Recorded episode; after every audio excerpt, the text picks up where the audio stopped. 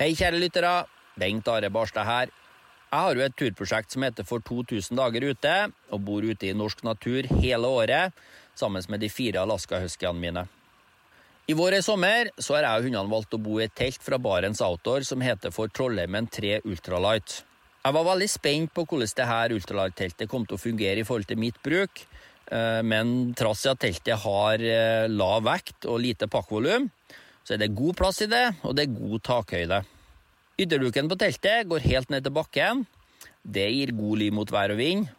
Samtidig så er teltet luftig og har veldig god ventilasjon.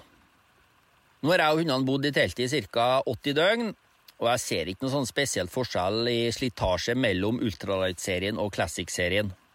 Men med fire viltre hunder i teltet så skjer det ofte ulykker, og jeg setter utrolig pris på at Barents Outdoor har ei god serviceavdeling. Vil du lese mer om ultralight-serien eller andre telt fra Barents Outdoor, så kan du gå inn på www.barentsoutdoor.no. Og så må du huske på det at den første reparasjonen på et Barents Outdoor-produkt, den er bestandig gratis.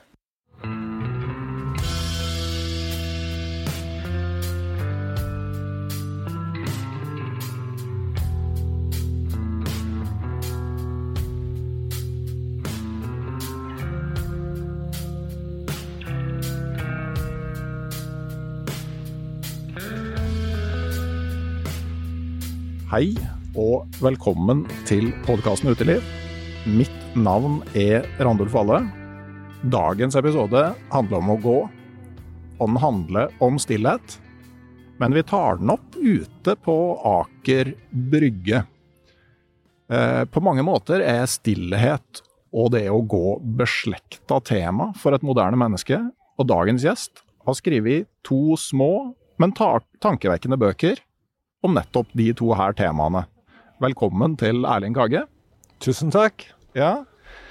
Eh, jeg har jo lært fra boka å gå at på det gamle språket sanskrit så er det å gå en metafor både for tid og kunnskap. Ja.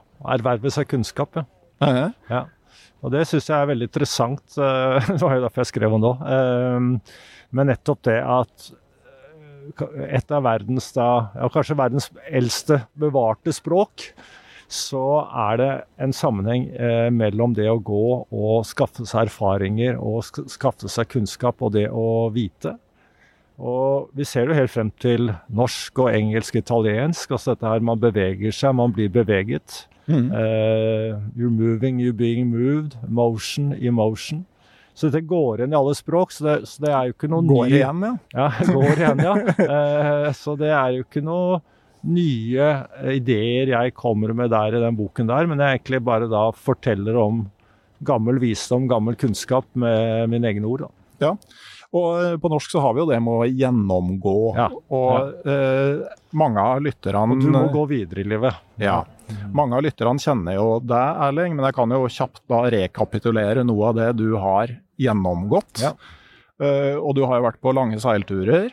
Du var med i den første ekspedisjonen som nådde Nordpolen på ski, uten etterforsyninger. Ja, Sammen med Børge Ausland og Geir Randi. Ja. Uh, var førstemann som gikk alene på ski til Sørpolen.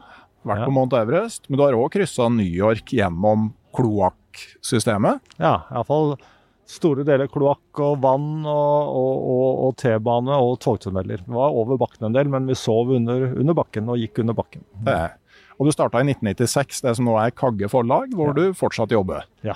Eh, Vi skal straks i gang med ferdsel til fots i eh, stillhet, men som vanlig så spør jeg aller først, har du hatt en fin tur eller naturopplevelse nå i det aller siste?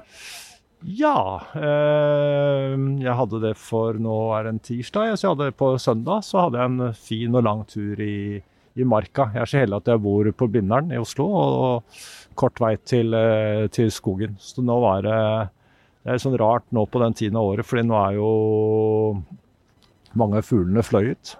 Så det er en helt annen atmosfære i skogen, og, og langt færre lyder. Mhm.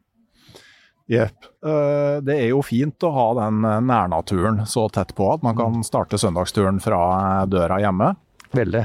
Mm, luksus. Det er jo to veldig sånn fundamentale temaer du har tatt opp i de bøkene her. Og, og det å gå er altså noe som måtte forme oss som art, og som vi har vært igjennom, altså det gjennomsyrer språket. ikke sant? Man snakker om å gå fra ektefellen ja. sjøl om det kommer en flyttebil. Mm. Uh, og du, du, snakker om å gå til krig eller ja. gå til aksjon, sjøl om det ikke lenger har noe med det å gjøre. Uh, og uh, noe som gjentar seg på tvers av tid og rom, det går igjen. Ja. men du knytter også det å gå veldig tett til det med oppdagelse. Ja, og det er bakgrunnen for det, eller det er flere bakgrunner for det, men det utgangspunktet, eh, iallfall tidsmessig, er jo det at mennesket har alltid vært en oppdager. Og de har begynt jo da å gå ut fra Afrika, og de har gått og gått. Og alle oppdagelser helt frem til vår tid har handlet om å gjøre noe fysisk. Det handlet om å bevege seg, det har handlet om å se, lukte, smake, høre, føle. Eh, observere over tid, ta inn kunnskapen, men hele tiden gjøre noe fysisk for å forstå seg selv og forstå verden. Eh, og nå er vi første generasjonen hvor eh, mennesker i betydelig grad, og vel, mange kun, prøver å forstå eh, omverdenen og også seg selv ved å se inn i en skjerm.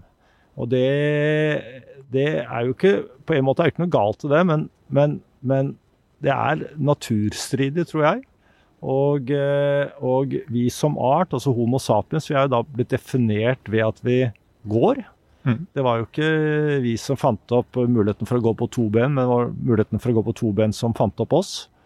Og hvis vi slutter å gå på to ben, altså nesten ikke gå på to ben, eh, men stort sett sitter, eh, så blir vi en litt annen art. Ja, det kan være det. Men det med stillhet òg er jo på, på et vis knytta til det å gå. Altså det å ferdes umotorisert.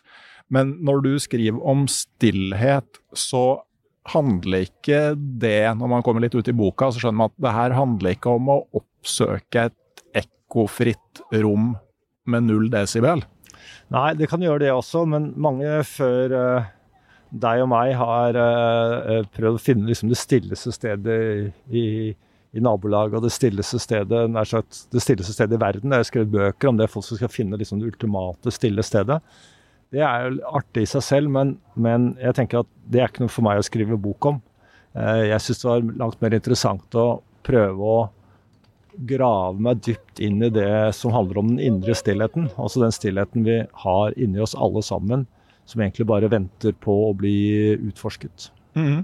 Ja, for jeg tenker at hvis du skal, altså Motsatsen til stillhet det er jo støy. Boka heter 'Stillhet i støyens tid'. Og jeg tenker på her da eh, Det du sikter til med støy da, kan man si at det er alt som forhindrer oss fra å være overlatt til våre egne tanker? Ja, jeg syns det var ganske Eller ikke ganske, jeg syns det en god, er en god definisjon. Um, for det, det er, Du er inne på noe viktig der, og det er det at støy er selvfølgelig Her vi sitter nå, er det litt støy rundt oss. Eh, ganske lite, men eh, det er en vidunderlig dag. Men, men, litt støy er det. Eh, men det jeg tenker på som støy, er det du sier, å være litt sånn konkret på det, eller gå og snevre det litt inn. Også det er typisk sånn selvfølgelig store lyder fra, fra et eller annet, men radio som står på en bil som passerer, noen som prater, en telefon som murrer eller vibrerer. Eh, men det er også støy, altså forventningen om at man skal få respons på et eller annet man har lagt ut på et sosialt media, vente på at noen skal gi beskjed tilbake. Eh, lys selvfølgelig kan også fremstå som rent støy. Eh, så støy er ja, det er mye, og jeg syns definisjonen din var bra. Mm. Ja, for det har jo på et vis òg litt sånn derre eh, En relasjon til vår veldig sånn kortvarige evne til konsentrasjon. Ja, øh, den sier man at vår konsentrasjon blir øh, kortere og kortere perioder. Mm. Og det, det syns jeg høres rimelig ut, at vi, vi, vi, vi, konsentrerer oss Vi har problemer med å konsentrere oss over lengre tid. Og vi er nok også blitt dummere på en måte de siste årene ved at vi hele tiden bruker telefonen vår til å finne ut rent praktiske ting. At vi aldri regner ut mer hva tolv ganger syv er, eller legger sammen tre tall når man er i butikken. Og det navigerer også går via telefonen. Ehm, så den daglige hjernetrimmen, eh, den er blitt borte. Og hjernen er jo delvis en muskel, det er lett å glemme. Og når du ikke trener den, så kommer den i dårlig form. Mm. Ja, og så er jo det her eh, Det her er jo relatert, ikke sant. For det skjer jo noe med tankene våre, og fortsatt for, for så vidt òg evnen til konsentrasjon når vi begynner å bevege oss. Jeg er i hvert fall blant dem som alltid begynner å gå når jeg snakker i telefon. Ja, ja, ja. ja, ja. Uh, håper du går mye uten å prate telefon nå.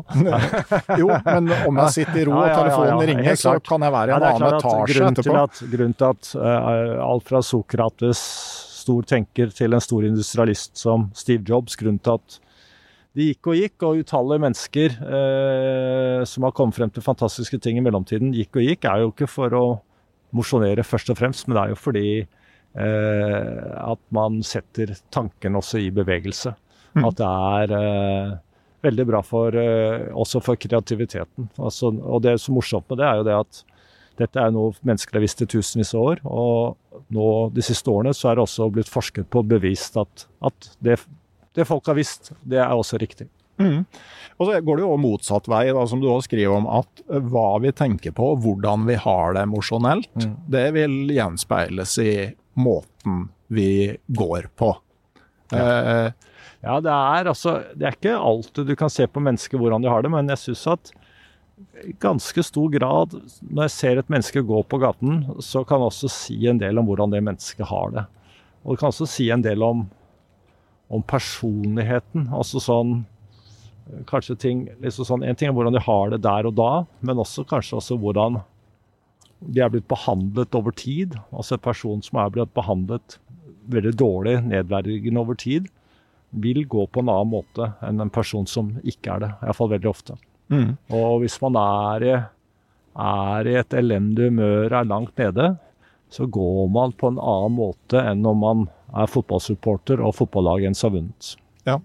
Og I boka så du tar jo utgangspunkt i din mormor og din morfar i ja. starten og slutten. Altså Din mormor sier jo en dag slutta hun å gå. Ja. Og, da, da, var det slutt. Ja, Sjøl om hun fortsatt levde. Ja. Mm. Nei, hun eh, Altså, vi dør jo på en måte mange ganger i livet. Mm. Dør litt hver gang.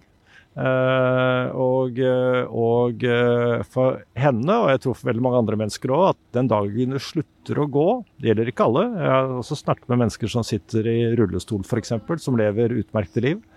Men, men, for en person som på en måte er blitt definert i ganske stor grad for at man går, og slutter å gå, så er det som en sånn ikke, ikke, ikke hel død, men nesten død. Mm. Og det som skjer etterpå også, sånn som mormoren min, er jo det at kroppen slutter å fungere. Altså Først selvfølgelig hodet, at man blir lei seg og føler å gå glipp av mye.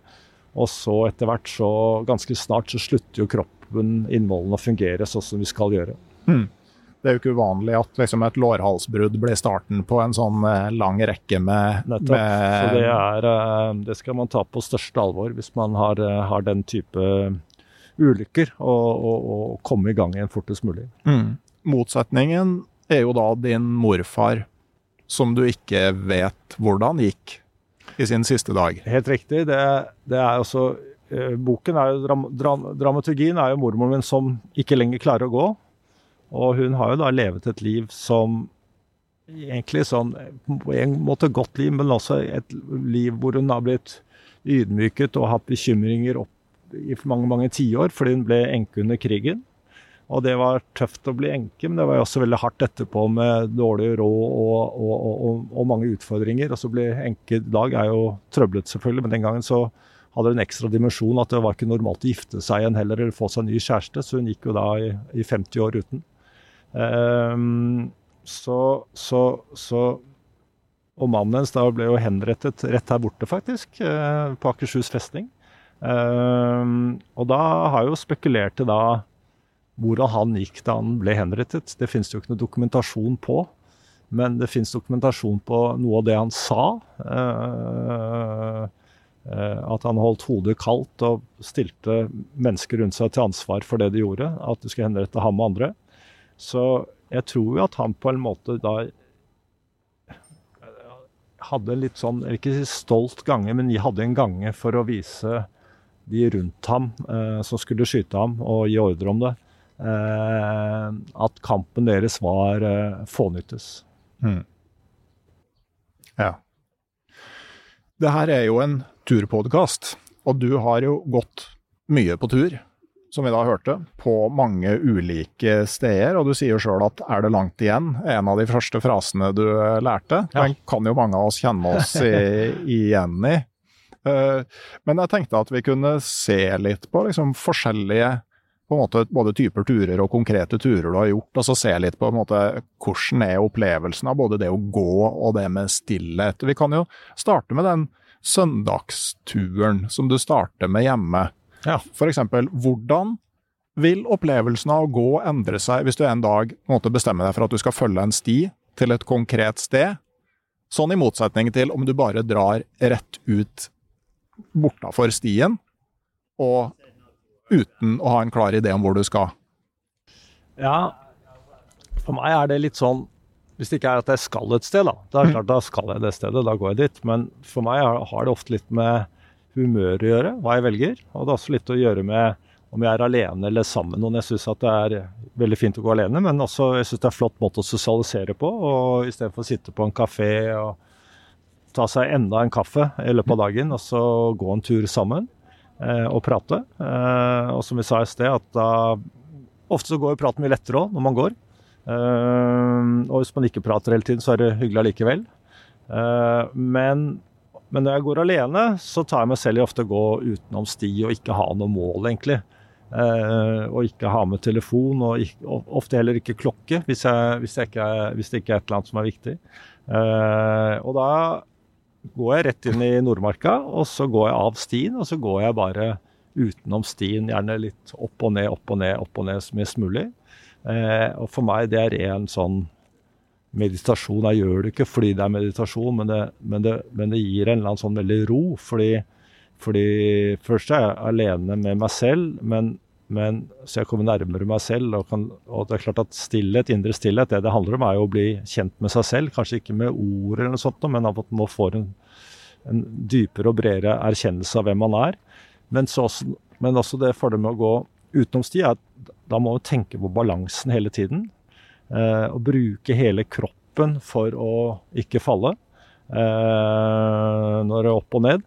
Og det er veldig, veldig bra for uh, sinnet. At, at det er oppløftende for alt mellom ørene å gå sånne turer.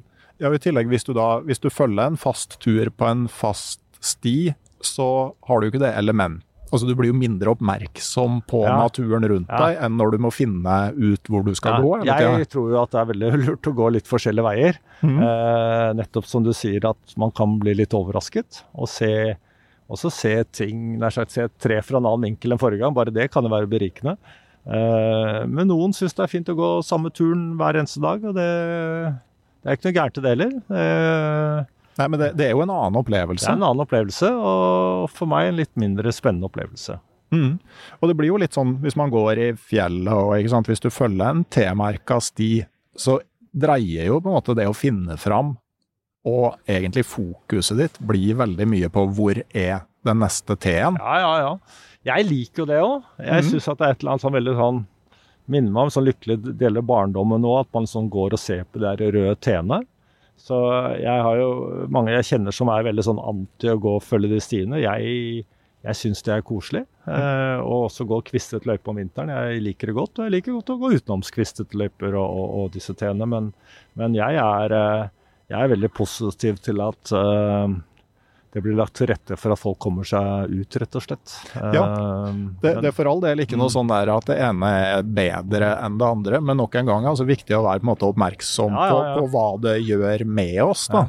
Det er veldig, veldig morsomt, fordi det er jo selvfølgelig sånn veldig mange som er opptatt av at det skal være man skal ha minst mulig hjelp i naturen. Uh, og man skal liksom, når man klatrer i fjell, så skal man ikke ha det er hyggelig med barn som hopper og spretter rundt oss, da. Ja, ja, ja Så det blir med på podkasten disse òg. Ja da. Eh, ikke i så stor grad som man skulle ikke, tro, faktisk. men, eh, men, eh, jo, dette med hjelpemidler. At man skal ha ikke av ditten og ikke av ditt, datten av hjelpemidler. Og det, og det, det, har litt for seg, men det var litt morsomt. Jeg var i Italia for noen år siden, så var jeg med på en sånn, sånn paneldiskusjon med en eldre fjellklatrer. Han snakket bare italiensk, dessverre, men den ble oversatt. Da. Han var, han var veldig søt. Han mente at det å ha kart og kompass det var liksom nesten juks. Oh ja, såpass, ja. Du, må klare deg, du må klare deg uten. Og det er klart, Han har jo rett, han òg. Jeg er veldig glad i å bruke kompass. Jeg har alltid med meg kompass. Eh, men jeg hadde veldig sansen for han av to grunner. For det første har han selvfølgelig rett, at det blir enda mer spennende uten. Og det andre er at han tar innersvingen på alle de andre. Ja. Alle disse renhets, eh, liksom eh, klare seg minst mulig-typene at de ble totalt akterutseilt av en eldre mann som aldri har brukt kart og kompass. Nei, og, og, det er jo eh, noe som jeg eh, filosoferte en god del rundt da jeg sin tid skrev boka om Hjalmar Dale. Mm. For han eh, ja, ja, ja. brukte ikke kart, ikke kompass, og han visste, og det var jo ikke engang kartlagt området. Men så tenker jeg jo at i den generasjonen så hadde du også mye mer erfaring. Ja, I å ferdes i terreng som du ikke kjente og som ingen hadde vært i. Ja, ja, ja. Og det, og det er jo, du ser jo også du ser jo også at eh, det er akkurat du har erfaring. Også hvis du da har også vært litt i det samme området tidligere, så vet du litt hvordan formasjonen er. Mm. Eh, og det er klart at også du får et helt annet forhold til eh, stjerner eh, når du kan se dem, og solens gang osv. Så, videre. mm. så det er jo, det høres jo mye mer avansert ut eh, enn det det er. Altså jeg, En gammel sånn fjellvandrer som Olav Thon, han kan jo gå turer, eh, kunne iallfall, eh, nesten i blinde. Mm. For han bare været hvor man skulle gå hen. Interessant. Og så er det en, en turkompis av meg som sier at uh, du kan ikke gå deg bort hvis du ikke veit hvor du skal. Nei. eller, eller, så jeg vil ha med en bok også, at broren min og jeg Gunnar gikk tur i Østmarka, hvor vi vokste opp. Og så, og så gikk vi oss helt vill og gikk rundt og rotet. Og så til slutt så sa broren min at nå vet jeg hvor vi er, for her har jeg gått meg vill før. Ja. Det er jo en, eh, en eh, grei betraktning. Da. Men jeg tenker sånn på, eh, på støyen, altså den støyen inni, inni hodet. Da. Altså, hva har det å si om du har lest om en tur og sett bilder av den før du går den sjøl? Kontra at du ikke vet? Hmm. Altså, jeg syns jo at det har en sjarm, det å forberede seg litt med å sette seg inn i hva man skal, også at man kan liksom tenke litt på det på forhånd. Eh, og også være forberedt, da, og ha med mm. det riktige utstyret. Men eh, må bare tenke meg om hvor mye jeg har gått uten å ha tenkt. Ja, ja, ja. Jo. Jeg har jo det, altså det, blir jo bare litt mer komplisert, da. Ja. Eh, og eh, jeg tror jo på, på, å prøve å leve etter det samme. da, at at du skal gjøre, aktivt gjøre livet ditt vanskeligere enn det trenger å være i løpet av dagen. Uh, heller stå opp tidlig enn stå opp sent osv., og, så videre, og så fortsette utover dagen. Så, så, det har helt klart noe for seg. Når du spør, når jeg tenker over de gangene jeg har liksom gått inn i et terreng jeg ikke kjenner, og blitt uh, overrasket over hvor helvetes vanskelig det er å komme frem. Eh, så jeg husker jo de turene. Mm. Ja. jeg, jeg, begynte å reflektere over det etter at uh, Hilda gikk New Zealand på langs. Mm. For der er det jo en del områder som er veldig sånn Gikk du hele veien, eller? Ja, hele veien. Ja. Begge øyene? Eh, ja. ja. Så bra, da. Ja, det var en kjempetur. Ja. Det, det, var et nydelig halvår vi hadde sammen der. Det, men, men, poenget var at altså, enkelte Du tar et år til med dama da? Ja, det, vi, fant, men det er jo en velsigna enkel tilværelse sammen i forhold til å drive en småbarnsfamilie, f.eks. Ja, ja, ja. ja. ja, ja bare tenkte, samme, samme, målsetninger altså, og felles tid, og ikke min tid og din tid. Det høres, det, det, det høres ut som en klisjé, men altså, jeg, vi, vi hadde jo vi hadde jo en datter som hadde kolikk. Nå har jo snart alle barn kolikk, da, hvis det skriker litt. Men når barnet har skikkelig kolikk, så er det ikke noe tvil. Eh, en syv-åtte måneder eller noe sånt. Så vi sto jo på døgnet rundt eh, for å være snill mot barn og roe det ned og være, liksom, at, ta bort mest mulig smerte. Og tenkte jeg bare på altså det livet der i forhold til en ekspedisjon, røff ekspedisjon mm. Det er jo En ekspedisjon er jo bare barnemat i forhold. ja, det, det, er jo det. Men for bare så vi ikke glemmer så, selve poenget her. altså En del sånn turer på New Zealand er jo veldig sånn eh, populære. Mange har gått dem. Det finnes mm. fantastiske bilder fra de aller flotteste forholdene. Og det er guidebøker som viser deg liksom meter for meter hvor du skal gå. Ja. Men vi merka at vi ble mye mer sånn imponert over de områdene som vi ikke visste noe særlig om på forhånd. Ja, ja, ja. For du hadde ingen forventninger. altså sånn på de der, ikke sant, Hvis du har sett Besseggen på en maksdag på bilder, Mm. så for de aller fleste så er det jo ikke så fint når du faktisk kommer dit sjøl. Og du veier det, du måler det opp mot det der bildet du har fått kasta på deg. Jeg, tror, jeg, er enig, jeg er enig i, i, i innledningen din. Det er Mhm. klart at når du er på New Zealand, at når du plutselig er i ordentlig ødemark, at det er mer spennende. Særlig for to som dere som vet hvordan man skal ha det bra i ødemarken. Men, men eh, jeg har gått over Besseggen med folk som har sittet og sett på det, studerte osv. Og, og de har vært helt himmelfalne. Altså Det er objektivt sett en jævla bra tur. Ja, men det er jo, det, det er jo bra, å, bra å høre det. Jeg hørte jo at eh, eller så skrev om han Klaus Hellberg som hadde delt ut en lapp til folk på en sånn dag som han var turleder for. Ja, ja, ja. Den, historien det er en historie jeg hørte av Herman Meren. Han er jo død nå, men han gikk jo, han gikk jo uendelig mange turer. Jeg tror han, Herman sa aldri nei takk til en tur, tror jeg. Så gikk det jo konkurs, og alt gikk dårlig òg. Han, han dro på tur istedenfor å passe på tingene sine. Men, eh, men eh, Iallfall butikken hans gikk konkurs. Men eh, han eh, fortalte at eh, Hellberg, som var vennen han, skulle eh, guide den, eller lede en tur eh, fra Finnshytta. Eh, og det var sånn sent på våren, og det var begynt å blomstre, og det var en vakker dag, blå himmel, og fargene er- er- forandrer seg, så du kan nesten se det med det blotte øyet. Og så, akkurat da jeg skulle starte, så ga han alle sammen en, håndskrevet, en lapp med en håndskrevet beskjed hvor det sto ja da, det er fantastisk. Og det syns jeg er en veldig fin tur, fordi folk bruker uendelig mye tid på å si at det er fantastisk. Og du bruker eh, ikke på den tiden så mye, men nå veldig mye energi på å ta bilder av det. Mm. Og da, i stedet for at, man da er subjektet, eh, den som opplever, så blir man eh, objektet eh, på turen. Hvis man bruker for mye tid på sånt. Så jeg syns at det med Hellberg, at han gjorde også at han Beskjeden er veldig bra, men også at han gjorde det med å dele ut en lapp. Liker jeg også veldig godt at det, det var ikke sånn å ydmyke folk eller liksom fortelle folk at nå må dere ta dere sammen, eller ikke sånn, men det er sånn i det stille, gi den beskjeden. Mm. Ja, og, og jeg må jo si at turkompiser som evner å være stille Altså ikke hele tida nødvendigvis, men som skjønner at man må ikke prate hele tida. Ja, ja, ja, det De, dem er mye verdt, altså. Ja. ja. Du må, du må ikke, du må ikke Ja, de bør du beholde. Ja. Det, er- det, er, det er definitivt. Men, eh, men hvis vi går videre til ikke sant, eh, Vi kan jo ta på en måte turene til Nordpolen og til Sørpolen samla. Altså ved første øyekast så kan det jo virke som ganske like turer. Man går på ski, og det er kaldt, og man skal til et geografisk punkt. Og så skjer begge de turene her på ei tid hvor man i mye større grad var avskåret fra resten av verden enn det du vil være i dag, sånn Ja. kommunikasjonsmessig. Men jeg tenker også at det, det er jo en del klare forskjeller òg på eh, Arktis og Antarktis. Ja, det er jo øh, nær sagt stikk motsatt på alle mulige måter. Altså, Nordpolen ligger jo midt i eh, Nordishavet, Polhavet, og det er verdens femte største hav. Så det er jo et hav dekket av is, eh, omkranset av kontinenter. Mens eh, Antarktis og Sydpolen eh, Du må si Sydpolen, det er egennavn. Sier ikke Polhøyden om hjemmet til Fridtjof Nansen, sier Polhøgda. Eh, Så, så aner sikkert Sydpolen.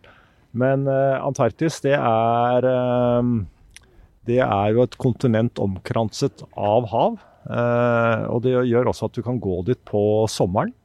Så det er jo, det er jo midnattssol. eh, og det er stort sett høytrykk. Eh, fortsatt kan det blåse mye, da. Eh, mens Nordpolen må det gå til, bør gå til sent på vinteren, tidlig vår, når det er ja, går ned i under 50 grader. Eh, og eh, drivende is og, og, og, og sprekker. Og det er jo isbjørn der. Eh, og så- Og alt det høres ut som på en måte ut fra den definisjonen da, som støy. Uh, is som flytter på seg. Uh, ja, det er på en måte en støy. Det er det. Uh, Jeg ser for meg at kontemplasjonen blir dypere i Antarktis Ja, enn på. Polhavet. Er Helt riktig. Det var for meg iallfall at det å Sydpolen for meg. Da var jeg også alene Da hadde jo ikke noe radiokontakt. Mm. Så da Det ble en mye mer, mer sånn reise inn i meg selv, egentlig. Jeg gikk jo ikke den turen for jeg skulle eh, reise inn i meg selv og sånt noe, men det var slik det ble. At det ble mye mer en reise inn i meg selv enn til polpunktet, egentlig. Mm. Fant du noe der du ikke visste hva det er? Ja, veldig mye. Eh, altså, vi er jo alle en del av det vi har møtt, som det heter et dikt. Og, og, og mye av det er vanskelig å sette ord på. Men andre ting satte jeg ord på med en bok jeg skrev rett etterpå. Eh, og så gikk det jo mange år. Eh, hvor mange var det? 25 år eller annet sånt, jeg husker ikke. Og så skrev jeg en bok om stillhet. Og så om å gå, som du nevnte. Og det er også tuftet veldig mye på de erfaringene. men jeg trengte egentlig litt flere erfaringer for å fordøye det jeg opplevde. Så jeg tror det var godt å være småbarnsfar. Jeg tror det var godt å ha fast jobb i mange år. Eh, for å foredle de erfaringene på og, og, og, og, og skrive dem på en måte som kunne ha en mer allmennmenneskelig verdi. Da. Mm. Og bare sånn Et eksempel for eksempel, er sånn typisk at man tenker at det er eh, At man blir mer egosentrisk og mer liksom sånn og, og, og, og, og vende, rygg, vende ryggen Vende verden ryggen når man drar på sånn tur. Men min erfaring er det stikk motsatte. At, uh, at uh, eh, du lærer å respektere selvfølgelig naturen mer, men også respektere eh, andre mennesker mer. Eh, du ser dem, på, ser dem på en annen måte.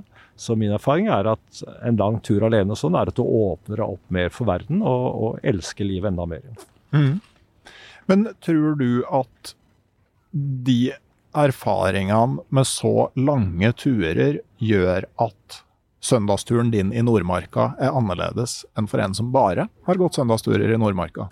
Nei, det tror jeg ikke nødvendigvis. Uh, uh, det tror jeg ikke. Jeg tror det å gå en lang skitur uh, i en eller annen bymark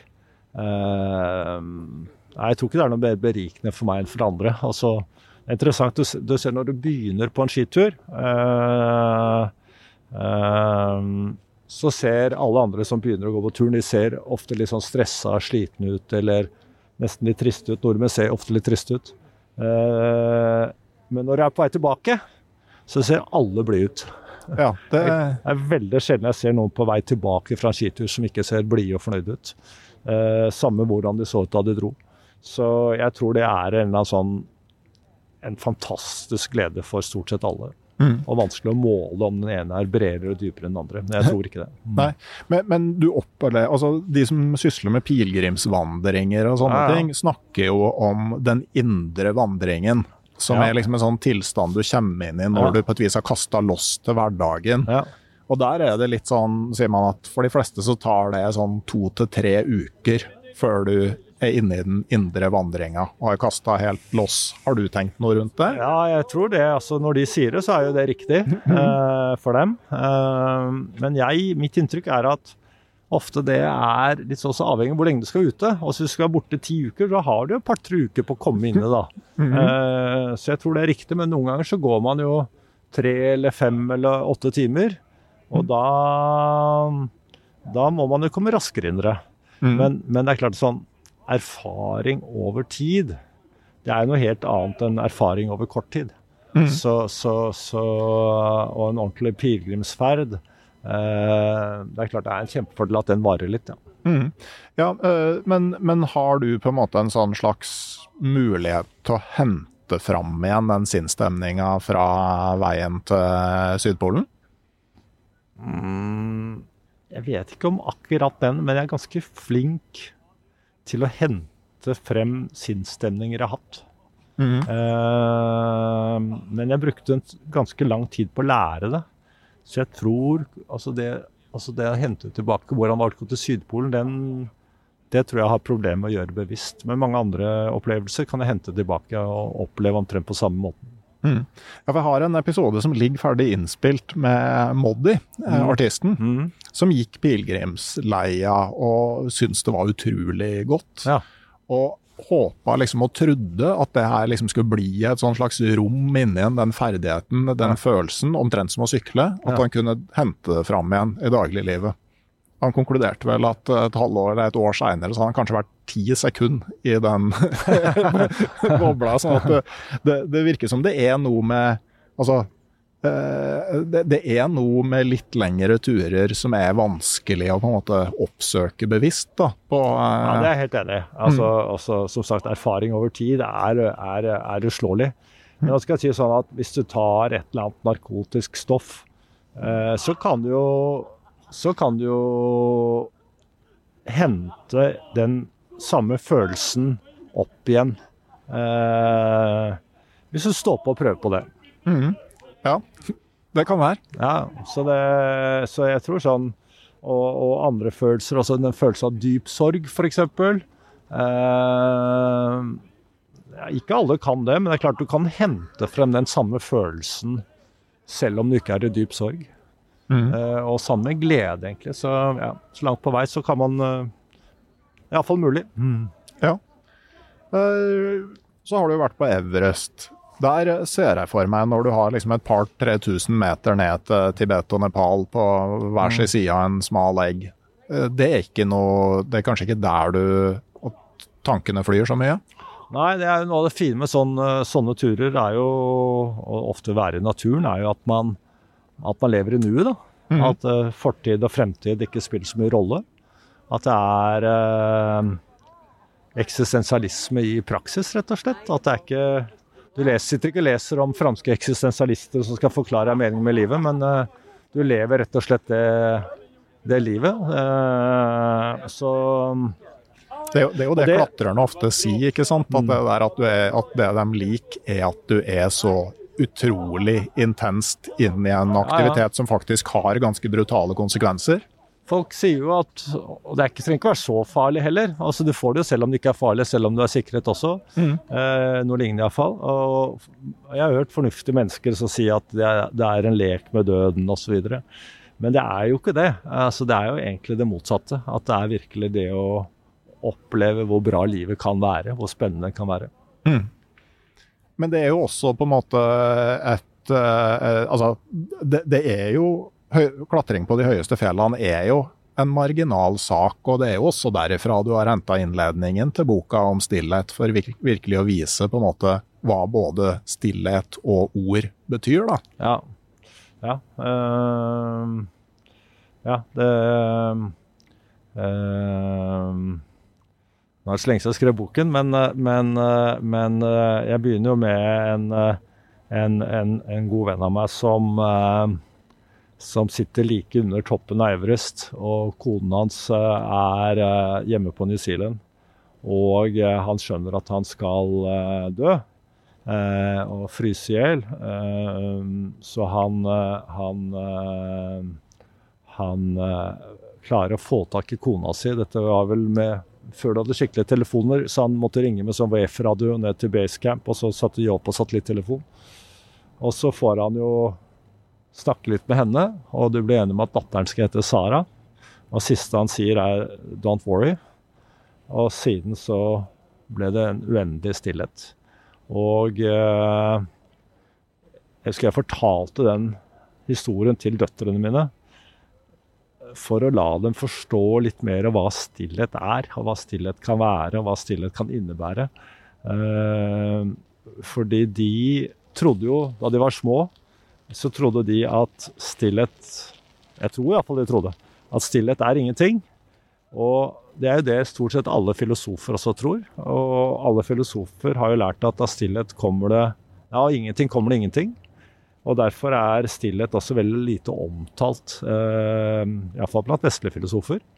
Eh, så det var egentlig sånn opprinnelsen også til at jeg skrev den boken om stillhet. Mm. For å vise at eh, stillhet er noe.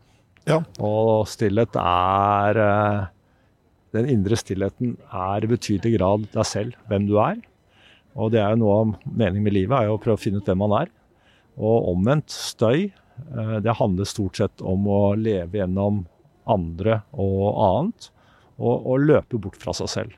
Og selvfølgelig støy er det letteste alternativet. Derfor sitter vi og sjekker VG eh, tre ganger i løpet av en time uten at noen ting har skjedd, eller googler noe og finner hva vi leter etter og fortsetter å google. Mm. Eh, fordi det er en lettere, lettere måte å eh, drive med tidtrøyte enn å, å, å, gå den tunge veien og, og, og ikke gjøre noen ting. Mm. Hva oppnår vi med å ikke gjøre noen ting? da? Altså, Noen ganger kan det, det være litt dårlig disponering av tiden, da. men, men, men det å, å, lytte til sin egen stillhet eh, eh, Det kan handle om mye, men det handler også da En av grunnene til at det føles ukomfortabelt, vanskelig og til tider lite fristende, er at det handler, kan, kan, handle om å bli kjent med seg selv. Mm. Og det, det er det veldig lurt å gjøre, men det kan jo være litt ubehagelig. Mm. Ja. Sånn i det daglige så har jeg på en måte Det er jo masse sånne sjølhjelpsleveregler og sånn. Men det er jo sånn faktisk eh, slo meg nå, da, at jeg prøver å gjenta til meg sjøl når det er tungt å komme i gang med noe. Når du er selvstendig næringsdrivende og ingenting skjer hvis du ikke gjør noe. Det er jo ikke gjør ingenting. Ja, øh, det er en annen greie. Altså, når du er selvstendig næringsdrivende som du er, øh, og som jeg er også gründer, øh, da må du stoppe, da. Mm. Og du må jobbe. Ja. Uh, og det er noe fint ved det òg, da. Det er definitivt. Uh, så det er jo et eller annet sånn, jeg regner med du som meg, jeg vil ikke bytte det bort med noe, noe annet. Mm. Men jeg tror også at det er uh, altså, Det blir litt sånn politikk, men jeg tror også når jeg hører politikere prate om ja, sånn som deg, da, som driver din egen næring, næringsvirksomhet, som er litt sånn på en måte litt fra hånd til munn, at du må, du må gjøre A for å få B. jeg skulle ønske vi hadde politikere som hadde større respekt for det.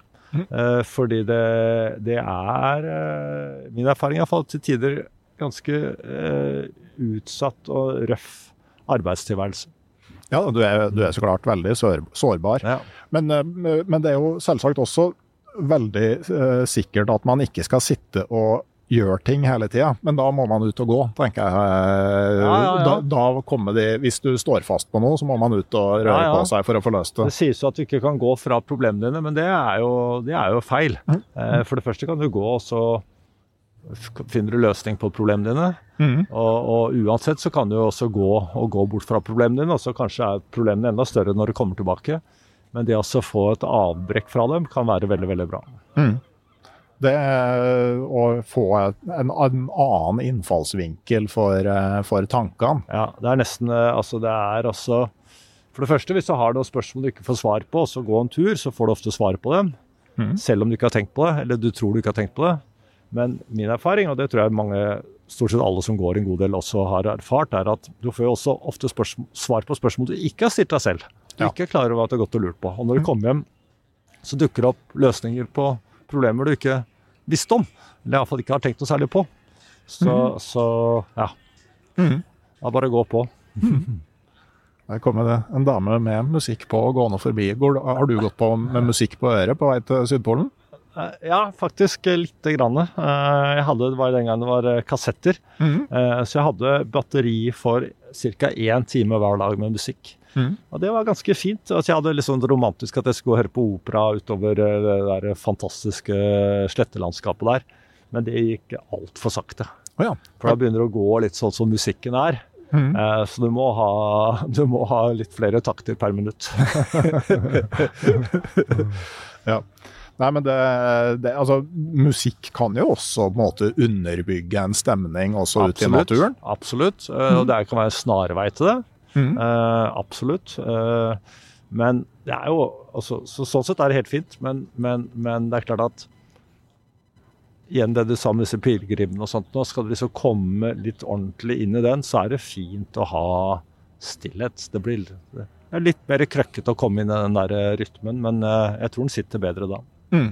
Ja, og så får du jo Altså, du får jo tenkt, og du ja. får jo opplevd naturen på en annen måte ja, ja, når, du, når, du, har alle sansene der. Men samtidig så har du jo en del tid til det på en lang skitur, selv om du går noen timer med musikk på øret. Ja, ja, ja. Nei, jeg, jeg, jeg ser veldig viktig å tenke på at det er ikke noe galt med det. Altså, altså Man skal alltid liksom være sånn riktig. altså Det å gå med musikk eller uten musikk, det, det, er opp til hver enkelt. Men jeg tror hvis du har musikk veldig mye, så går du glipp av altså en, en del. da. Ja, jeg, jeg, springer jo i Estenstadmarka i Trondheim. Ikke, mm. og jeg bruker aldri noe på øret når jeg er ute og springer, for jeg har lyst til å høre ja. fugler og dyr og Ja, og selv om jeg, jeg, altså, selv om jeg ikke hører etter det hører heller, syns jeg det er deilig å ikke ha musikk. Mm. Fordi jeg, altså, det er så mye støy hele livet ellers at det er bare deilig å være et sted og ikke holde noe i hånden. Altså ikke holde telefonen i hånden og ikke tenk på hva slags musikk jeg skal spille nå og bytte og disse spillelister og så hopper over en sang.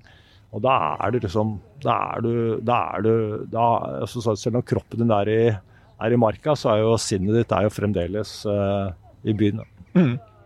Eh, jeg var litt spent på stillhet-boka, for jeg tenkte at eh, det der med stillhet er jo en viktig del av musikk, og det kommer jo helt på, på slutten. Ja. Også det der at altså, dagens musikk mye mer er sånn slaver av null dynamikk. Altså, det er like høyt hele veien. Sånn i forhold til klassisk musikk, hvor du har veldig stor forskjell på volumnivået. Nei, det, kan, si at, kan si at sånn det varierer litt, da, men er, altså, i mange år da jeg skrev stillhetsboken, altså, da hadde, var det jo Da var jo popsanger var jo, hadde betydelig grad samme dramaturgien. altså Det starter mm. rolig, mm. kanskje bare med ett instrument, kanskje bare piano, kanskje bare gitar. Og så går det kanskje 30 sekunder, så får du det vi kaller det drop. Og, så, og det er ikke at det går ned, men at det går opp, at flere instrumenter kommer inn. Og så drar det på litt, og så kommer vokalen inn. Så egentlig hadde, da jeg satt og studerte det, så selv om jeg har hørt mye musikk, så ble jeg overrasket over hvor lik oppbyggingen i hits er, da. Mm. Nå er det blitt litt annerledes, men, eh, men, eh, men, i mange år så var det omtrent sånn som jeg sa nå. Også hvordan liksom ordene blir gjentatt, mm. men også hvordan de bruker stillheten. At stort sett alle, alle, alle sånn topp sanger, at, uh, at ikke alle, alle, men veldig mange, de har, er veldig flinke med å bruke stillhet i sangene. At det plutselig stopper opp, og så raskt det er stopper opp et sekund, så rykker det jo til hos lytteren og lurer på hva som skjer, og så hører du det som kommer, og så kan du slappe av igjen. Så, så, så ja. Og som du sier, klassisk musikk, så er det jo helt åndbart. Mm, men samtidig, ikke sant, hvis du sjekker nå, så er jo volumet i desibel faktisk veldig ofte like høyt på he den helt rolige introen med mm. bare piano og vokal, det, det, det, så, så blir det faktisk ikke ja. høyere når ja. hele bandet kommer inn. Og det er jo blitt sånn der fordi det skal høres i bil og gjennom støy og sånn, så må alt Ja, Så tar du vel ikke sjansen, fordi det er klart at nå når, du, når det er Spotify og sånt, så så hvis folk kutter ut å høre sangen din etter 12 sekunder eller 20 sekunder, så får du jo minus på den uh, lyttegreia. Mm. Så, så, du er vel avhengig av å fange folk med en eneste gang. da. Mm. Og det gjør du jo ikke med en uh, lav pianosolo hvis du er uh, ute etter å høre på Rihanna. Nei. Nei, det, så man blir jo Men det, det er jo for så vidt ikke noe nytt at blir, kulturen blir forma av måten det blir kommunisert på. Jeg tenker jo den operavokalen, mm. jeg syns den er ganske sånn slitsom. Og den er jo bare sånn fordi at det er sånn du må synge hvis stemmen din skal høres på toppen av et symfoniorkester ja, ja. før man har funnet opp en høyttaler. Ja, ja, ja, det er enig, men det er flott, da. ja, jeg synes det, jeg synes det, så En del av de sangene kunne vært mye finere hvis man sang dem med helt vanlig vokal, og ikke ja, den der men folk gjør det òg, men det er ikke opera, bare. Nei, nei, nei det, men altså, det, det, er jo liksom Og vi fortsetter med den stilen mm. i dag, men, men, det er egentlig sånn man det er altså, Jeg husker at Torleif Skjeldrup han er jo en glemt kar i dag, men han eh, fantastisk mann. Han husker han skrev en bok som het 'Du skulle forføres'. Og da skriver han at Og han hadde forhold til en del veldig flotte operasangerinner. Og han sa da at de sier at de kjenner det langt inn i mellomgulvet når de trekker ut liksom stemmen sin. Men som han sier, de kjenner det nedenfor der. Eh, og, det, og, det, var ikke for å være grisete humor, eller noe sånt, men det var bare for at det er et eller annet sånn dypt sånn Et eller annet røft, hardt, dypt eh, inn sånn rykte bak til start, naturlig, når, når, når det funker i opera. Mm. OK. Uh, men hvis vi tar veien på en måte ja, Før vi avslutter Polan, altså det med, det med stillheten og pausa først. Mm. Der syns jeg jo den historien du har om dere fikk kasta ut eh, Det var et eh, spionfly som heiv ut mat til ja. deg og Børge på, ja, på Nordpolen. Ja. Uh, ja, det var Vi var kommet frem, og, og uh, uh, Det var vel andre dagen vi var der. Og plutselig så hører vi fly. Og vi visste at det var ikke det flyet som skulle hente oss. Så vi så opp, og så så vi et eh, fly som da viser å være som du sier, et spionfly. Amerikanske forsvaret som prøver å lokalisere russiske ubåter under isen. Og de så heldigvis oss, eh, så de kom tilbake igjen. Og det er veldig vanskelig å se folk på isen fra fly. Men de var dyktige folk, da, så de klarte å fly tilbake over oss. Og eh, jeg, jeg løp ut på isen og skrittet opp FOOD med store bokstaver. Eh, food.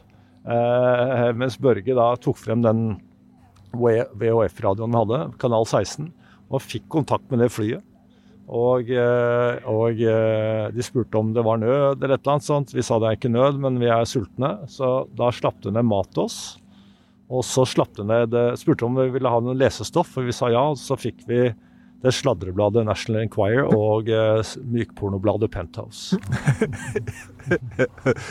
ja, Men uh, du ville kaste deg over maten med en gang. Dere hadde delt den i ja, to like hauger? Det er en fin historie, syns jeg. fordi uh, vi var altså vi var ikke, holdt ikke på sultehjell, men vi var jo blitt veldig tynne. Hadde ikke noe muskelmasse igjen. og nei, Hadde ikke noe fett igjen med det, og knapt nok og gikk jo muskelmassen. Og og var helt utmagret. Uh, og så fikk vi den maten, og Børge og jeg delte jo da som vanlig. Uh, den ene delte, og den andre valgte porsjonene uh, for å passe på at det ble likt. Og så skal jeg til å kaste meg over det, og så sa Børge nei, la oss telle sakte til ti, og så begynne å spise. Og det er klart, da smaker maten enda bedre. Ja, og det er jo akkurat den pausa ja. i hitlåta. Det er den pausen i hitlåta. Ja, det er akkurat det det er, og hvordan da stillheten kan bygge opp en forventning. Mm. Men uh, hvis vi tar en uh, tur innom uh, New Yorks underverden, altså T-banetunneler, vannledninger, kloakkledninger Når man går gjennom et sånt system, da er det jo en helt menneskeskapt verden.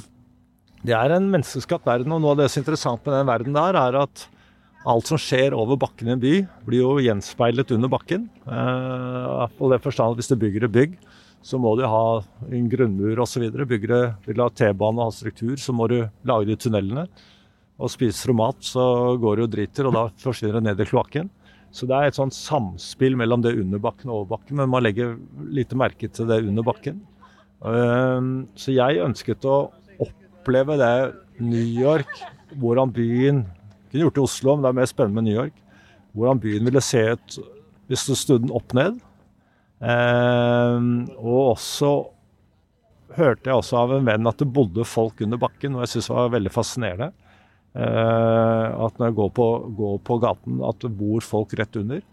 Eh, og så vil jeg også se liksom sivilisasjonens kretsløp, da, hvordan vi lever i konsumsamfunn, og hvordan det hvordan det ser ut den andre enden av det konsumsamfunnet. Mm. Så, så um, Det var en idé som vokste på meg over mange år. Og så ble jeg kjent med en kar som het Steve Duncan, som er sånn Urban Explorer i Amerika. Veldig flink kar. Uh, altså, jeg hadde ideen, og han hadde lokalkjennskapet i New York. Og da gjorde vi den turen sammen. Så var det en god del folk som kom og gikk, men han og jeg vi gjorde hele turen. Men uh, der er jo på en måte noe av utfordringa å klare å gjøre det uten å bli arrestert, da. Ja, ja, ja. Så det, det, er to ting som er farlig der. og Det ene er selvfølgelig at så raskt det er litt nedbør, så blir disse rørene fylt opp. Fordi det er nesten ikke noe natur igjen i det hele tatt i bakken heller. altså Veldig lite jordsmonn, for å si det sånn. Stort sett alt er menneskelagd under bakken. Mm. Så, så, så, det er ikke noe som fanger opp vannet eh, fra snø og, og, og, og regn. Så så flom er farlig, og det andre som er farlig, er uh, bli tatt av politiet. Mm. For det er utrolig mye politi i New York, uh, særlig når du er redd for å bli sett av politiet. Så syns du det er overalt, og, og sånne private vaktselskaper. Så, så, det vi gjorde, var jo ikke, det var jo ikke lovlig. så det så det ga en sånn ekstra dimensjon med den turen, at vi måtte passe på å ikke bli sett når vi forsvant ned i kumlokk eller klatret over et piggtrådgjerde. Ja, en tankevekkende tur, men heller ikke det her en tur hvor du har veldig mye tid til å la tankene fly fritt underveis? Nei, det var liksom måtte konsentrere oss veldig, for turen var ikke sånn generelt så var det ikke en farlig tur, men, men, eh, men man skal jo være veldig forsiktig når man går disse tunnelene, og ikke minst også når man går i en togtunnel eller T-banetunnel. Altså T-banen i i New York det går jo fire, fire spor, ekspress i midten og, og lokal T-bane på hver, hver, side. Eh, så når du går der, så må du jo, må du jo ikke gå mellom skinnegangen da, når, når T-banen kommer. Nei. Så man må jo passe. Og noe som overrasket meg faktisk, var det ser jo ikke ut som det er så høyt fra plattformen ned til, eh, ned til skinnegangen. Men når det står i skinnegangen og skal opp på plattformen, da er det ganske høyt.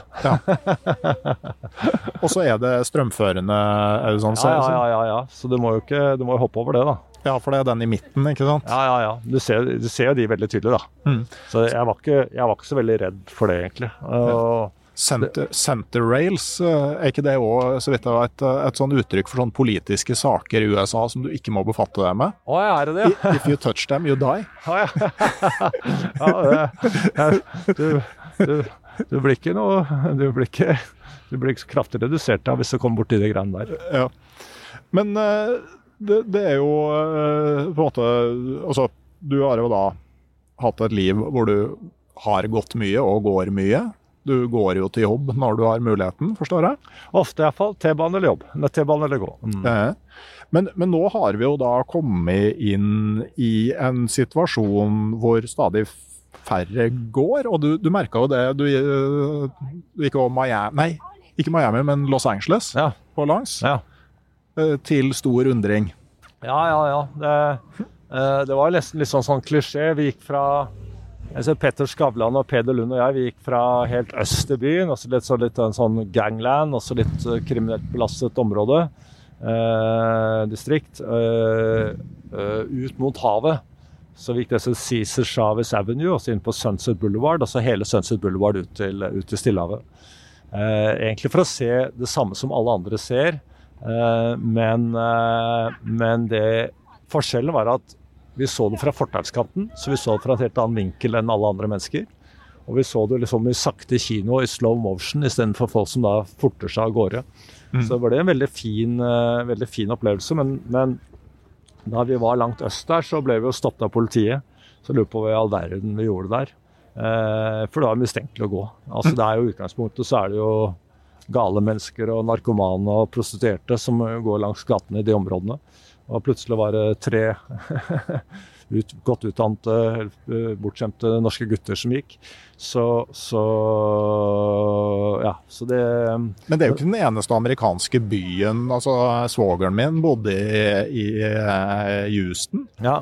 Og sjøl om du bare skal liksom et kvartal, kvartal bort, så er det vanskelig å gjøre det til fots. Ja, ja, jeg syns ikke det er så vanskelig, men det er naturstrid i den forstand at folk forventer at det ikke skal gå. Mhm. Eh, Jeg har vært og gått, eh, gått i Jusen, og det er jo kjempefint byen å gå i. Store deler av byen er veldig bra å gå i, mm. men, men folk syns det er du går. Mhm. Så et eller annet sånn uh, Houston er en fin gåby, det, men, mm. men, eh, men folk skal kjøre. Eh, Men også i Norge. da. Jeg har faktisk opplevd eh, godt innpå vidda. Mm. Det var gått noen timer innover en ganske varm sommerdag, så vi var skikkelig gjennomsvette og hadde hengt klærne våre Mm. til tørk.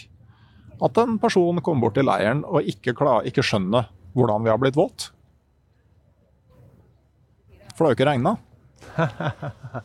Ja, du kan si at det er veldig spesielt, men det er jo det som Altså, vi kan tenke på liksom Hva er den største utfordringen med å dra på ekspedisjon i Arktis? Det er akkurat det du sier der. Det er fuktighet. Og det kommer ikke av regn eller noe annen nedbør, men det kommer selvfølgelig av at man kommer ut av kroppen fordi man svetter eller kommer ut uansett. Og hvis du ikke klarer å håndtere det, eh, da kommer du ikke frem. Nei. Så jeg tror det er det som knekker folk. Det er eh, i betydelig grad det er fuktighet. Mm. At, eh, og jeg har satt meg en eh, i Nordpolens historie, så jeg nevnte for en gang at jeg skriver bok om Nordpolens historie. Og uh, kommer først til høsten 24, men, men, men det jeg ser der, er at mange av de som ikke kom til Nordpolen, uh, de kom ikke til Nordpolen for, uh, og kanskje døde fordi de ikke klarte å håndtere den fuktigheten. Vi må ta en ny prat når den boka kommer. Du får jo høre episoden jeg spilte inn med Ragnar Thorseth. For, Har gjort det? Ja, Ja. det skal jeg høre på. for, for han så var jo da en scootertur til Nordpolen. Det var egentlig bare noe han planla for å ha en fet lansering av Saga Siglar-prosjektet. Han skulle lansere det på Nordpolen. Ja, Han gjorde det på Nordpolen òg, eller? Ja da. Men den turen var jo altså De var slitne, de gutta. Ja, Han sa jo at de trodde jo at isen var som den var nede i Nordvestpassasjen, Ja, at det var ganske flatt. Han sa Ja, ja. de ante ikke hva Ja, ja. de egentlig gikk til, og at det sannsynligvis hadde vært lettere å gå på ski enn å ha med de skuterne. Ja, Da kunne Ragnar prøve å gå på ski. Ja, så, det- så kunne jo du og Børge prøve å få med dere en scooter. Men, eh, men når, det, når det er sagt, så, så Jeg tenker den turen der er litt sånn undervurdert i polarhistorien. Altså, det er to Nordpolekspedisjoner i Norge som er undervurdert, og den er undervurdert, syns jeg. Det er en jævla tøff tur, og hard tur. Og det var jo tidlig, så det var jo så, sånn mye mer komplisert den gangen. Eh, avhengig av isen, selvfølgelig, men, men, enn nå. Men, men, og den andre er Bjørn Steib i 63. Mhm. Det er, eh, det er altså sånn glemt ekspedisjon nå som, eh, som eh, jeg har veldig stor respekt for. De prøvde å komme seg til Nordpolen, kom ikke frem. Og det er jo sånn i Norge at hvis du kommer frem, så er det kjempebra. Og hvis du ikke kommer frem, så er det, er det, er det helt håpløst. Mm. Eh, England er det annerledes. Det er disse heroic failure er jo nesten bedre å ikke komme frem enn å komme frem. Jo, men det er jo litt sånn dyd av nødvendighet i England òg, for de har jo ikke så mange seire å feire. Ja, det er enig at, eh, hvis jeg- de ikke skulle feire de hederlige ja, ja, nederlagene, så er det ikke mye polararrangement igjen. men det har også en sympatisk side ved seg. At hvis du, sånn som f.eks. Geir Randby, som måtte gi seg da vi skulle til Nordpolen. mm. eh, han hadde vært med var hans Vi hadde alle ideen, men det er liksom han som iverksatte ideen. Så var hans greie. Var med på alle forberedelsene. Var med på den kaldeste delen av turen. Og så får han en skiveutglidning i ryggen og ikke kan gå videre. Ja, Det tenker jeg det er heroic failure. Ja, det, det er heroic Eh, failure, eh, men, men en litt sånn både Scott Shackleton-variant Ja, ja, ja, og min navnebror, som på en måte går på på samme vis gang etter gang og, gjør, og. Og, og får heroic failure på grunn av den Altså, samme feilen. Det er masse bra å si om Shackleton, men hadde han vært flinkere til å forberede seg, så hadde det jo ikke vært noe historie å fortelle. Nei, og jeg, tenk, jeg, jeg tenker jo at det er egentlig like greit at Endurance sank på vei inn til eh, land, som at de skulle prøve å krysse over til Ja, andre du tenker sida. at da hadde dødd alle sammen? Altså, nå, nå var det jo ingen som døde på Nei. den sida der av eh, Nei, det var og- kanskje livreddende at, Ja, at båten sank. Ja, jeg Nei, tror det- det var bedre enn Ja, eh, Og så finnes det jo da en historie om landpartiet på den andre sida av Antarktis. Å ja, den har jeg ikke hørt. Mm. Nei, den eh, har jeg bare så vidt hørt, jeg, og den er visst ikke like hyggelig. For at de skulle jo begynne å etablere Ja, ja, ja. depot Ja, ja. og sånn som dem som kom Ja. over, og, og det gikk ganske gærent. Ja.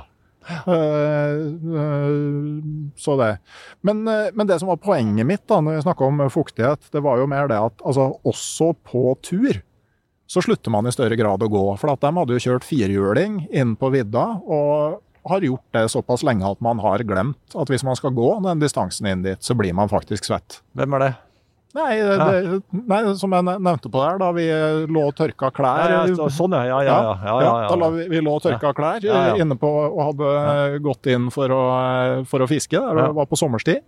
Tørka klærne våre i buskene, og de forsto ikke helt hvordan vi hadde blitt uh, våt når det ikke regna. Uh, det er jo godt gjort å ikke ha lagt merke til kroppen. Men uh, ja. ja, leve et godt- gode, beskyttede liv, da. Ja, men hva gjør det med oss eh, sånn hvis vi i større og større grad slutter å gå? Det er, altså, jeg, husker det, jeg husker barna mine de så en film som het Wall-E, W-A-L-L, altså bindestrek E. Mm. Den handlet om noen sånne litt sånn runde skapninger. Så menneskeaktige ut, men de satt på sånne små brett. Og, og, og, og det var 800 år frem i tid, og ingen av dem gikk. altså De bare fløy rundt omkring i, i, i verdensrommet, og så hadde vel en eller annen noen skinner og sånt også, tror jeg. Så de levde da livene der. eh, Og det tenker jeg at det er 800 år frem, som sagt. Altså, men det kan gå fortere enn det, egentlig. eh, Til at man da snakker et ganske enkelt språk, og så, og, og så sitter på akebrett og fyker av gårde frem og tilbake til hverandre. Ja, I Eh, den grad man trenger å flytte seg i det hele tatt. For altså det du òg ser, er jo at ganske mange flytter mer og mer av sin eksistens inn i den virtuelle verden. Gjør det. Ehm, jeg tror sånt kommer til å gå i bølger, da. At, eh, at jeg er optimist. Altså jeg eh, Folk, alle generasjoner har liksom trodd at verden omtrent skal gå under i sin egen tid.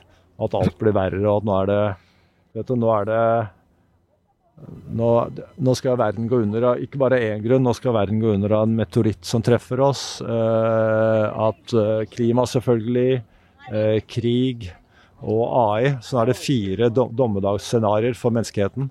Eh, men det har gått bra i 100 000 generasjoner, og jeg tror det går bra en, en til. Ja, du tror det? Ja, ja absolutt. Ja, Nei, men det er jo et, det er jo et en til er jo et greit uh, Nei, veddemål. mange, mange, mange til. Men det er klart, så, så vil jo menneskeheten dø ut. Det ligger jo sagt der, og så ligger jo vår natur. Mm. Men, men, men den derre form for selvopptatthet at det kommer til å skje i min tid, eller, barn eller sånn, eh, den, den deler jeg ikke. Nei, øh, og, og det gjør på et vis ikke jeg heller, men, men hva gjør det med oss på en måte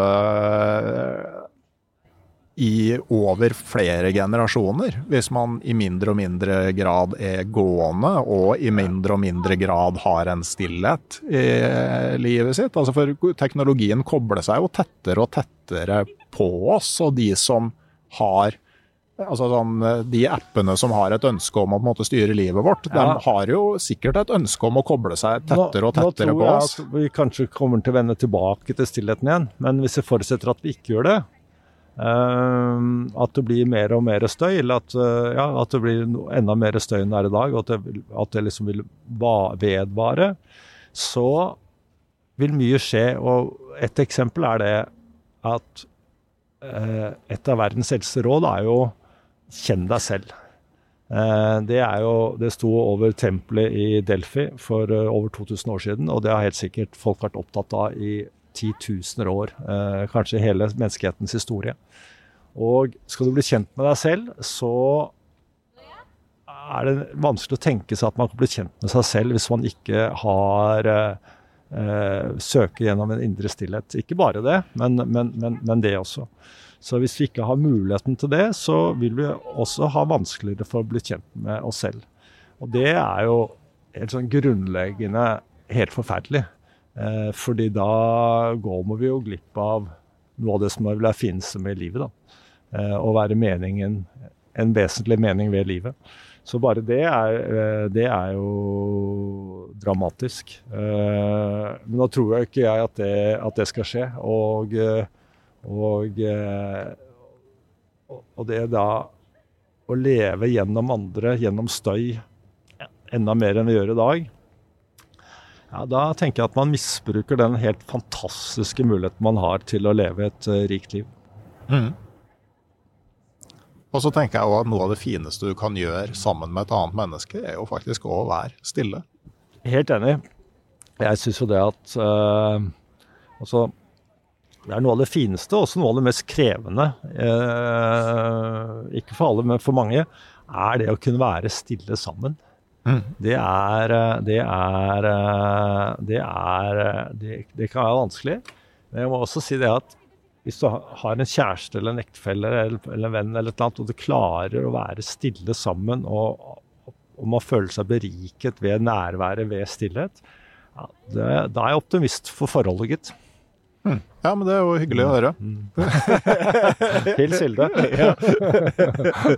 Det skal jeg gjøre. Og jeg har akkurat vært og lest inn eh, eh, egen bok som, som lydbok, og den, den avslutta med liksom, beskrivelse av min fiskekompis eh, Thomas. hvor Ja. eh, Det var for første gang på 13 år eller noe sånt, så kom vi oss ikke i veien for å fiske laks sammen for Nei. et par år siden. og noe av det jeg virkelig savner, det er å starte dagen i teltet med to kjeler kaffe, og så ikke si et ord til hverandre før du er nede med andre.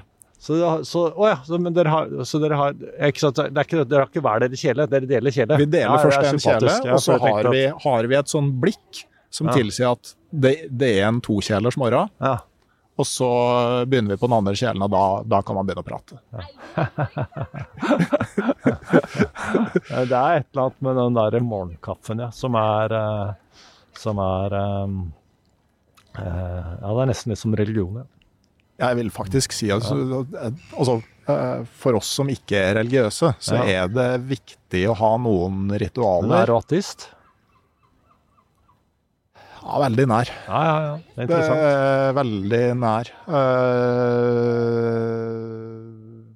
nok det, ja. ja. Det, jeg syns det er på en måte det mest komfortable verdenssynet. Ja, men det er igjen, ikke sant. Altså, jeg advarer mot eh, komfortable løsninger. Men, eh, men jeg, tenker, jeg tenker også at Jo, en, en, Det er vanskelig. Jeg er bare overrasket, fordi folk må være ateister eller kristne eller muslimer eller hva de ønsker for meg, buddhister. Men, men, eh, men, når man er mye i naturen, som jo du har vært mer enn stort sett alle, så tenker jeg at det, jeg har liksom tenkt at det er vanskelig å være ateist når man har vært mye utenom naturen. Jeg tenker at uh, det enten å være ateist og tenke at ja, altså det er, det, det er bare utvelgelsen som har gjort det sånn. For altså, jeg tenker sånn der Ja, det at Altså, enten det, eller så, så har jo da filosofene i mange tusen år prøvd å løse det ondes problem. ikke sant? At Hvorfor er verden som den er, når Gud er allmektig og god? Det, det er veldig, ja, men jeg tenker at Gud Jeg tror ikke Gud er allmektig. Nei, ok, det, det, det, gjør jo ting mye ja, enklere. Nei, altså, all, allmektig Gud tror jeg vi må altså, De som vil tro på det, får tro på det. Jeg tror ikke på det. Nei, det, gjør ikke heller. Men, men, men, men derfor at du blir ateist, det, er enormt lang distanse. Ja, men nei, man sier jo sånn I forhold til en kristen, så er jo en ateist like i nærheten. En kristen ja. har forkasta alle guder rundt av én. Ateisten har forkasta alle. Ja, nettopp. Og mellom der mener jeg at det er et enormt uh, rom mellom. Ja. Uh, så det å tro på en allmektig gud, uh, det syns jeg er Det, jeg, det, det, det syns jeg er for vanskelig. Ja.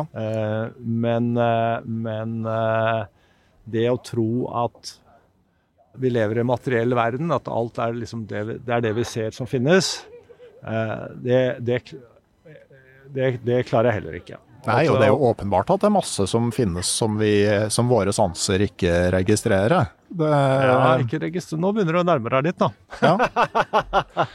Så, men, Så, men, men jo... at det er energier der ute, at det er ting som ligger i, i naturen eh, som, eh, som kan, Man kan jo kalle det hva man vil, da. Mm. Men at det er krefter som er eh, er, eh, ikke er helt fattbare. og, og, og, og Uh, som ikke klarer å rekke, og, som ikke er materielle. Uh, som man kan få til å komme på sin side og være med seg, og som kan være mot seg. Uh, jeg tror det. Hvordan, hvordan, får du de kreftene sånn, når du er på Polhavet og du begynner å skru rundt deg? Altså, mm. Hvordan får du de kreftene med deg?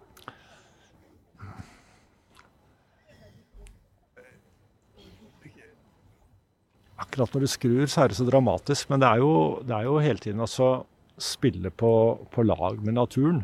Mm. Nå tenker jeg sånn, Det kan man jo tenke uavhengig av religion, men det er klart at som jeg også skriver om i den Nordpolsboken, den derre eh, ideen om at du skal beseire naturen. Så det er godt mulig at man har hatt det i lang tid, men men i polferder og sånt så vokste det frem litt på 1500-tallet, men særlig på slutten av 1700-tallet og begynnelsen av 1800-tallet, at man skulle beseire naturen. At du conquer nature. Det var, det var, det store. Og det kan si at da er det veldig vanskelig å komme frem til Nordpolen. Eh, så det er jo det motsatte, selvfølgelig, eh, mm. som alle som har vært mye i naturen, naturen vet.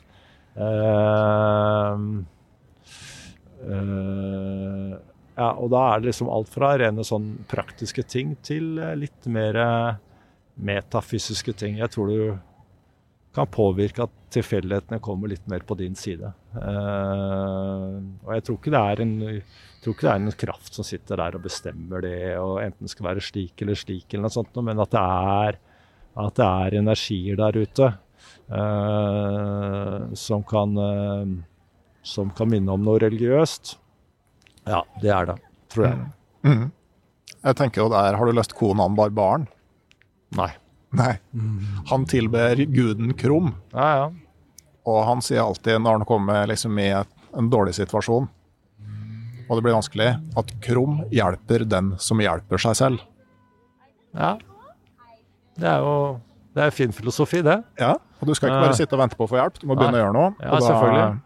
Og du kan si sånn at ja, ikke sant? Og Alle polfarere ber jo til Gud når det går dårlig, eh, og så er det ateist før etter, eh, eventuelt. Men ja. når det virkelig kniper, så gjør det det. Og det er en, til slutt så en veldig sånn fin historie med um, David Foster Wallace som skrev. Um, og der var det, der var det um, to stykker som kom, sånn som jeg husker historien nå, det er ikke helt nøyaktig, men poenget, poenget ble, det, det, samme. Eh, kommer ut for et forfrykende uvær på fjellet. Og, og, og, og, det er stiv kuling, de har ikke det rette tøyet, og det begynner å regne. Og, det, de går på ski. alt blir fuktig, alt blir vanskelig. Og vi vet jo hvor dramatisk det kan bli i løpet av sekunder eller minutter at man kan fryse i hjel. Og så er det bare én ting, så ber jeg til Gud om å få hjelp. For det er det eneste vi kan komme på. Og rett etterpå så kommer det snøskuter. Og ser dem, og stopper. Og de har til og med med noen ekstra parkkasser, så de får på seg det. Og så kjører til øh, den hytta de egentlig skulle til. Og kommer inn der og blir varme og får mat og alt mulig. Og så sier jeg at ja, det er litt fjollete å tenke på at vi, at vi satt der og, og ba til Gud, liksom. Det kom, det kom jo snøscooter uansett. ja. Nei, men det er jo eh, ikke Einar Skjæråsen da, som sier trubadurvisen at i solskinn er jeg sanger og i tordenvær salmist. Salmist? Ja. Ja, Det var veldig flott sagt, da. Jeg tror på gode viser først og dyre vers til sist. Ja, ja, ja. ja. Men Skjæråsen var veldig bra, da. Ja, det, Så anbefaler alle å lese poesi. Vi skal si det til slutt også at uh at eh, ja, også nå er dette er et naturprogram. og så Lese gode diktere som skriver dikter om eh, natur. Det er veldig fint i seg selv. eh, men det gir også nye muligheter for å oppleve naturen. Mm. Så jeg anbefaler det. og der òg er jo stillheten det som faktisk ikke blir sagt. Ja, absolutt. Mm. Absolutt. Det er eh, Ja, absolutt. Eh, stillheten er alt og ingenting. Tusen takk for eh, at du stilte opp her, eh, Selvfølgelig. Kage. Ja. Når, når du endelig spurte meg, så stilte jeg. Alt jeg kan si er fortsatt god tur. ja, vi mangler det aller siste spørsmålet. Ja. Vi sitter på Aker Brygge. Det er en nydelig, Ja, er varm oktoberdag. vi sitter også vis-à-vis Aker Brygge. Ja, vi vi sitter ved. Akershus-kaia. Som jeg Ja. sa da jeg ikke fant fram til riktig sted, det er en Ja. bonde i byen du har her. Ja, ja, ja, ja, ja, du er ikke bonde engang. Du er ingen av delene. Men om du ikke skulle være her Ja. akkurat nå, ingen praktikaliteter, du kan hensette deg hvor du vil i verden, til New Yorks kloakksystem eller til et fjell, hvor du vil. Hvor skulle du vært akkurat nå? Altså, det er jo det gamle eh, eposet engelske, altså det 'Paradise is where I am'. Og Det har jeg litt sånn grunnleggende tro på, at eh, paradis er der du er. Eh, hvis du legger forholdene til rette for det, så kan det være det iallfall. Ikke alltid, men eh, veldig, veldig ofte. Men eh, nå når jeg sitter og skriver om, eh, om Nordpolen, så har jeg også tenkt det jeg tenkte da Børge og jeg var oppe ved Nordpolen. Det er at det hadde vært fint å gått en skitur der oppe, kanskje bare ti dager. Og ikke tenkt på å gå til Nordpolen, liksom bare gått litt på måfå i ti dager og, og nytt naturen og nytt isen og, og spist godt og gått lange skiturer på, på drivisen. Eh, det har vært fint. Men det er klart at hadde jeg virkelig ønsket det, så hadde jeg vært der nå og gjort det. Mm. Og, Så det er ikke så farlig for meg. nei, og, og sånn siste eh, apropos, da, det med 'Paradise is where you am'. Altså, det var jo ditt forslag at vi flytta det her opptaket fra kontoret ditt og ut i sola. Det er jo et ganske godt eksempel på det, når Ja, du er legger til rette. Det, fordi da jeg skulle treffe deg i dag, og det var så fint ute eh, Og det er jo Nå kommer jo snart vinteren, og det blir kjempebra. Da tenkte jeg det å sitte inne når man har sjansen til å være ute, eh, det er ikke anbefalesverdig. I hvert fall Eh. ikke for podkasten Uteliv. Nei, og, men til slutt må jeg si at når jeg blir spurt om hvor jeg kunne tenke meg å ha vært, så har jeg jo noen ganger svart Spålen, som er et vann, et lite område i Nordmarka. Jeg skjønner at ikke det er idealsvaret, men, men Spålen Det fins jo ikke noe sted i verden som er vakrere og finere. Eh, Men det fins utallige steder som er like vakre og like fine, men enn så forskjellig. Eh, Men, men, men det er liksom hele verden er stappa full av fine steder å dra til. Så det er derfor jeg blir litt sånn Nordpolen er bra, men eh, jeg, syns alle steder egentlig er bra å gå på tur. Det er jo et veldig bra sted å slutte. Tusen takk igjen til Erling Kage. Så gleder vi oss til en ny bok i 2024. Tusen takk til min kommersielle samarbeidspartner Barents Outdoor AS. Jeg takker også medlemmene i det digitale turlaget på Patrion. og minne om at du kan se podkasten Uteliv live på Drammen bibliotek 8.11. på Drammen podkastfestival. Da har jeg med meg ingen ringere enn Marius Nergård Pettersen og Tor Godtås, og vi skal snakke om tømmerkoier. Det er jævlig bra, da. Ja, søk opp eh, Drammen podkastfestival, eller følg link i episodeinfo for mer info. Og uansett, om du ikke skal til Drammen, om ei uke så er det uansett tid for en ny episode av podkasten Uteliv. Og inntil da så sier jeg rett og slett ha det bra. Takk.